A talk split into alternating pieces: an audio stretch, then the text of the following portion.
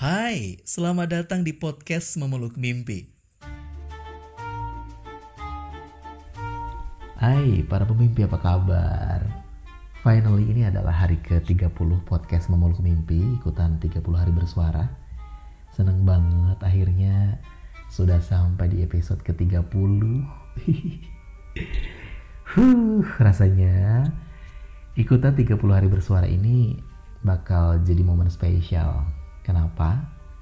Karena di tahun ini ini aku sengaja banget untuk ngejadiin sebagai momen buat ngebangkitin lagi episode-episode podcast di podcast Memeluk Mimpi ini. Alhamdulillah juga akhirnya kelar dan gak nyangka ternyata aku bisa ya. Tahun lalu aku sempat ikutan tapi cuman sampai hari ke-9 gitu. Aku udah nyerah karena waktu itu emang lagi banyak banget yang mesti diurusin.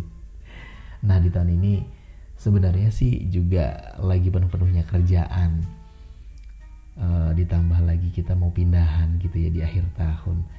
Tapi ternyata podcasting ini benar-benar bisa jadi healing. Serius? Seriusan? Beneran bisa jadi penghilang stres gitu.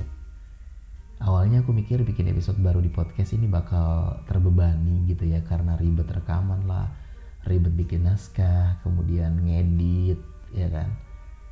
Tapi akhirnya enjoy loh. Ya alhamdulillah. Ditambah lagi laptop aku tuh suka ngehang dan lemot. Alhamdulillahnya bisa selesai satu persatu kelar gitu ya dan bisa sampai di episode ke 30 sekarang.